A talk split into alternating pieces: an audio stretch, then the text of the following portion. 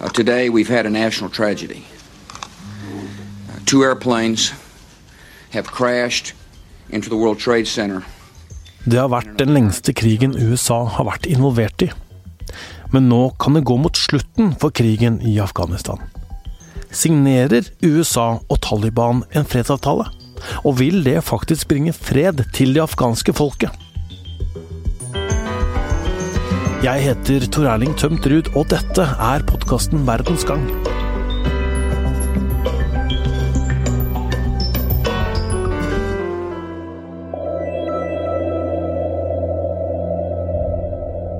Den 11. september 2001 krasjer to fly inn i Twin Towers i New York. Nesten 3000 mennesker dør. Terrorgruppa Al Qaida blir raskt utpekt for å stå bak angrepet. Freedom itself was attacked this morning by a faceless coward. Freedom will be defended. Make no mistake.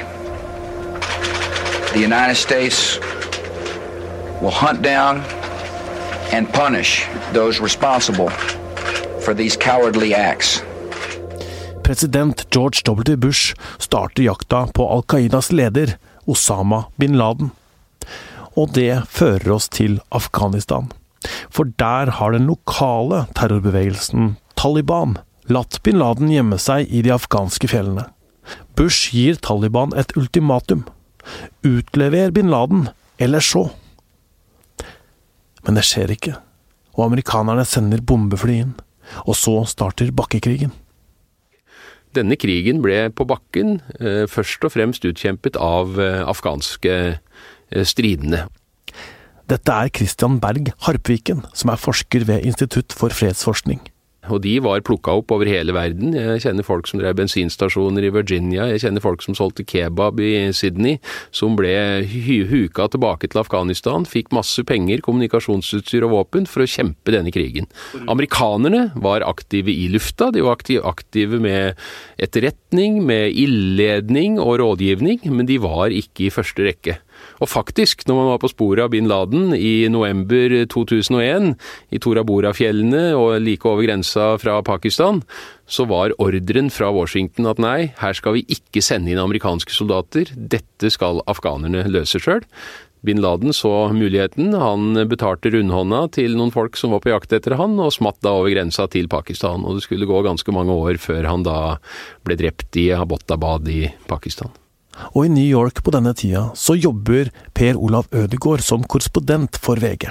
Det jeg husker veldig godt av den tiden etterpå, var denne, en TV-tale som eh, George W. Bush, som USAs president på den tiden, holdt til nasjonen. Eh, han talte en måned etter terrorangrepet, og da sa han at verden er gått sammen om å utkjempe en ny og annerledes krig. Den første, og vi håper den siste i det 21. århundre. Den kan ta én dag, den kan ta en måned, den kan ta et år eller to, men vi skal seire, sa Bush. Det var på en måte innledningen i kampen, krigen, mot terror. Nei, det tok ikke et år eller to. Etter 19 år er det fortsatt krig. Og amerikanerne har hatt mange tusen soldater i Afghanistan, sammen med store styrker fra Nato. Hvordan har det seg at USA og Nato ikke har klart å slå Taliban helt tilbake? Det er jo noe av et mysterium, og det er liksom to dominerende teorier der. Den ene teorien er at uh, Taliban-krigeren er en hardhaus som er villig til å ofre alt og ikke har noe å tape, så derfor er det nesten umulig å slåss mot uh, Taliban. Uh, det andre ytterpunktet er jo de som mener at Taliban mottar så mye støtte fra en rekke land og organisasjoner og individer, det være alt fra Pakistan, eh, som har en etterretningstjeneste som helt åpenbart har støtta systematisk opp om Taliban i mange år, til rike individer i Golfen som sympatiserer med det Taliban står for politisk. Begge disse forklaringene har en eh, betydelig kjerne av sannhet i seg. Men det er selvfølgelig påfallende at eh, verdens største krigsmakt, USA, og verdens største forsvarsallianse, Nato, ikke ikke klarer å hamle opp med en gjeng med bondeslamper med litt religiøs utdanning fra landsbygda i Afghanistan. Så hører det kanskje med til historien også at Afghanistan på en måte ikke er en nasjon slik vi tenker på den. Den har vært veldig fragmentert før også. Taliban hadde heller ikke full kontroll. Du hadde Nordalliansen, du hadde krigsherrer, det var uh, stammelojalitet. Det var altså ikke en, en, en, en nasjon slik, slik, som vi ofte tenker på det. Det er vanskelig å komme inn og overta styring, kontroll, vinne i et slikt eh, land med så mange kryssende interesser. Afghanerne har levd med krig i mange, mange år. De har vært invadert av russere. Det har vært borgerkrig, og nå denne krigen, som har vært den lengste USA har vært i. I 2012 kalte Trump den for en bortkasta krig. De vil ut av den. Og for to år siden så starta samtalene mellom USA og Taliban om hvordan volden mellom partene kan trappes ned. Nå ligger det et forslag til en skisse til en fredsavtale mellom USA og Taliban på bordet. Forsker Harpviken, hva innebærer den? Ja, den avtalen er egentlig en ganske enkel avtale. Den handler eh, i, i, i veldig korte ordelag om å få satt ned på papir det begge parter har sagt at de ønsker seg. Amerikanerne ønsker seg ut av Afghanistan. Realiteten er at de allerede har trukket ut en god del av soldatene mens forhandlingene har eh, foregått. Det synes ikke så veldig godt i mediebildet, og i hvert fall ikke i det amerikanske utenriksdepartementets redegjørelser, men det er en realitet. Og så er det Taliban som har sagt at de eh, ønsker amerikanerne ut. Eh, og det er jo ikke så vanskelig å få til, så lenge det er det amerikanerne selv ønsker seg. Og så ønsker de seg en rolle i, i det politiske systemet i Afghanistan. Og det er på en måte det de nå har eh, signert. Det de ikke har fått til, er f.eks. en våpenhvile, som den afghanske regjeringen har ønsket seg veldig kraftig. Eh, det de har blitt enige om er en såkalt eh, voldsreduksjon, som er ganske vagt definert. Men akkurat der vi er nå, så er vi altså midt i en ukes periode der både Taliban og regjeringen skal demonstrere overfor den andre part at de er i stand til å redusere volden så betydelig at det gir et grunnlag for å signere avtalen og gå videre til neste fase. Neste fase, det er den vanskelige fasen, for da skal Afghanistans politiske fremtid forhandles mellom den afghanske regjeringen og Taliban. Der sitter alle de vanskelige spørsmålene. Men, men, det skal vi komme litt tilbake til. For uh, Hvis vi ser nå da at uh, volden i Afghanistan avtar, uh, og da kan vi kanskje tolke det som om Taliban har kontroll på folka sine, og sier at nå skal vi dempe oss, og da er muligheten for en fredsavtale enda nærmere. og så trekker USA ut sine soldater, og at Taliban da lover å ikke bruke mer vold, det høres jo egentlig ganske enkelt ut. Men når USA trekker seg ut. Ehm, hva innebærer det? Altså, jeg tenker på at da, da vil jo på en måte den litt sånn stabiliserende maktfaktoren forsvinne. Det er fortsatt uklart hva det betyr at USA trekker seg ut. Jeg tror ikke at USA vil trekke seg helt ut. Jeg tror at for USA så er det så viktig å ha baser i denne regionen, og de har ikke så veldig mange venner som er villige til å huse de. Det handler ikke bare om Afghanistan, det handler om Sentral-Asia, det handler om Pakistan, det handler om Kina det er viktig å ha en slags beredskap i denne regionen. Så det kommer neppe amerikanerne til å gi slipp på. Så er jo spørsmålet hvor mye vil Taliban akseptere? Det har vært indikasjoner på at de er villige til å gjøre en liten eh, et lite ordspill på det, finne nye begreper for det amerikanske nærværet, sånn at de kan tillate at det vil være et amerikansk eh, militært nærvær i Afghanistan også etter en eventuell fredsavtale. Det som er skummelt, er jo selvfølgelig hva som vil skje i det afghanske samfunn på sikt. Altså Det som ligger i uh, utsiktene til en avtale, er jo da at um, uh, Taliban skal da forplikte seg til eh, at de ikke vil tillate at, at landet på nytt blir eh, en, en, trygg havn for eh, terrorbevegelser eh, som har planer utenfor landets grenser. Mm. Altså det vil si den, den såkalte islamske stat, og det vil bety Al Qaida. At de ikke skal få fotfeste der igjen.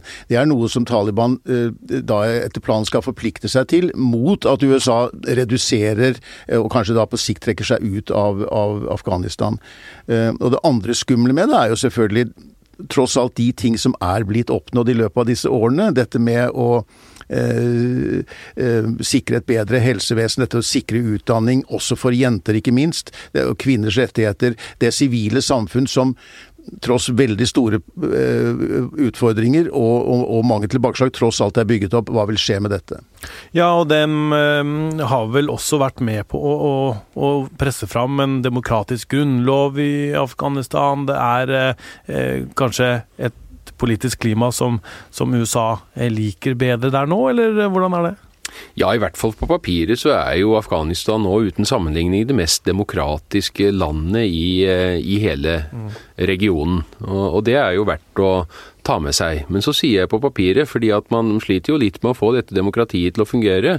Og det nylig avholdte presidentvalget er jo et eksempel på det. Der hadde man eh, kanskje 10% av de stemmeberettigende som endte opp med å få sine stemmer anerkjent. Og det var kanskje ikke mer enn 15% som gikk til urnene heller. De 5 som da er kassert, er kassert pga. juks og fanteri. Mm. Så det er et enormt Det er ikke mange stemmer igjen da? Nei. nei, da er det ikke så veldig stort grunnlag igjen for den presidenten som nå har erklært at den har vunnet valget. Og problemet er jo også at uh, man er ikke enig om at uh, han har vunnet valget, så det finnes en annen kandidat som sier nei, det var meg som vant valget, så jeg kommer til å etablere en alternativ regjering. Og Dette er jo veldig viktig, fordi det som har skjedd til nå, er jo at USA har forhandlet med Taliban. og Det er forhandlinger som har foregått utenfor landets grenser i Qatar.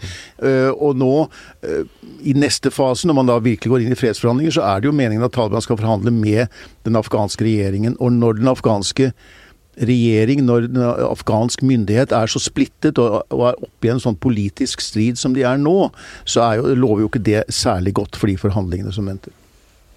Nei, det er helt riktig. Det er en veldig vanskelig situasjon for den afghanske regjeringen å være i. For uh, legitimiteten til presidenten er veldig Eh, svekka. Og så er den selvfølgelig også svekka av en annen ting enn akkurat dette med grunnlaget gjennom valgprosessen. Den er svekka av det faktum at amerikanerne valgte å gå i forhandlinger mot den afghanske regjeringens vilje. Mm. Disse to årene med forhandlinger som har foregått i Doha nå, det ønska ikke den afghanske regjeringen. De sa ingen forhandlinger før vi er motpart. Taliban sa vi forhandler ikke med en marionettregjering, vi vil forhandle med de som reelt sitter med makta. Det er USA, det er det dette handler om. Og så ga USA etter, og på den måten så har USA også egentlig styrket Talibans forhandlingsposisjon ekstremt. Og jeg mener at denne forhandlingsprosessen var nødvendig, men jeg er likevel veldig kritisk til hvor mye USA har gitt fra seg ved forhandlingsbordet. Eh, Taliban har kommet veldig godt ut av dette, også om det nå skulle vise seg at det ikke ble en avtale. Eh, Trump har jo snakka om at han vil ut av Afghanistan. Eh, kan denne fredsavtalen være noe i Trumps valgkampanje? Ja, det tror jeg absolutt. Eh, han gikk jo til valg i 2016 på at han ville eh, avslutte USAs deltakelse i det han kalte evigvarende kriger i regionen. Eh, og vi skal huske på at Donald Trump ikke egentlig har så veldig mye å vise til av utenrikspolitiske bedrifter i disse første tre årene. Han har riktignok møtt Nord-Koreas leder, Kim Jong-un, og gjentatte ganger, men det har jo ikke blitt noen avtale når det gjelder Nord-Korea. Han har revet i stykker Iran-avtalen men han har på ingen måte oppnådd noen ny avtale, og bare oppnådd at spenningen har økt i det området.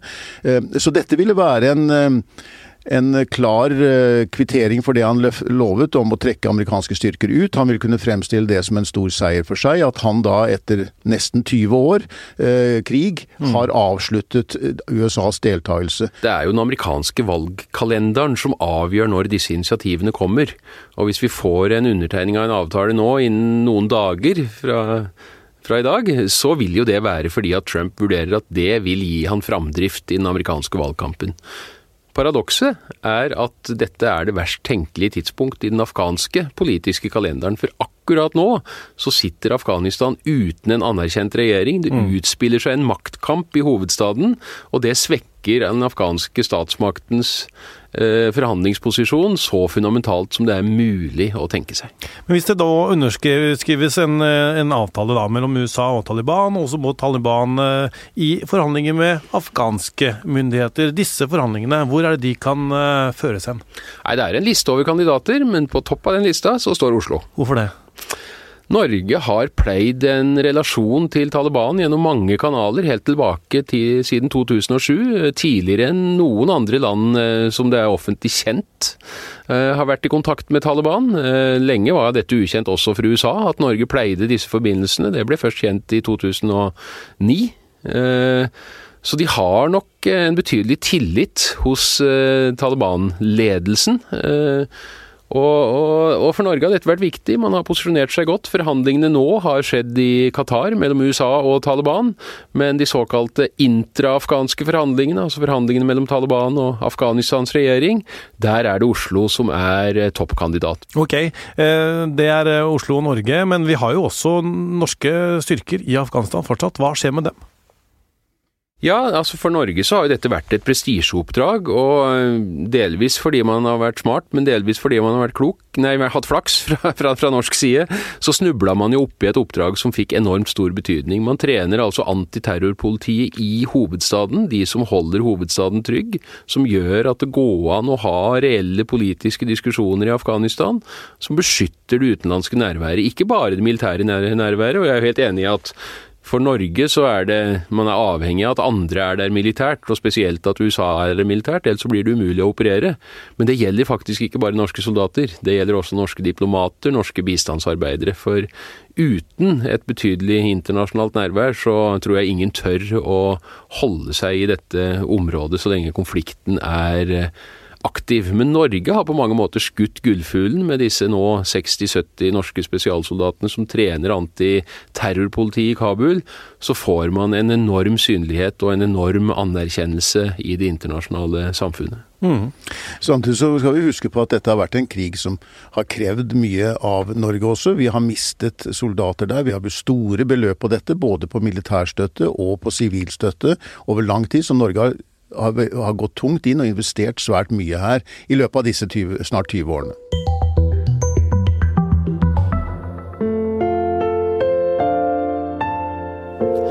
En avtale mellom USA og Taliban kan bli signert til helga.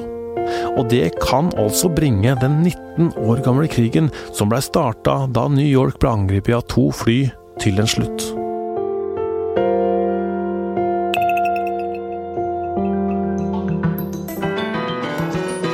Verdens Gang lages av Kristine Hellesland, Nora Torp Bjørnstad, Emilie Hall Torp og jeg, Tor Erling Tømtrud. Magne Antonsen er teknisk produsent. Takk til forsker Christian Berg Harpviken og VGs Per Olav Ødegård.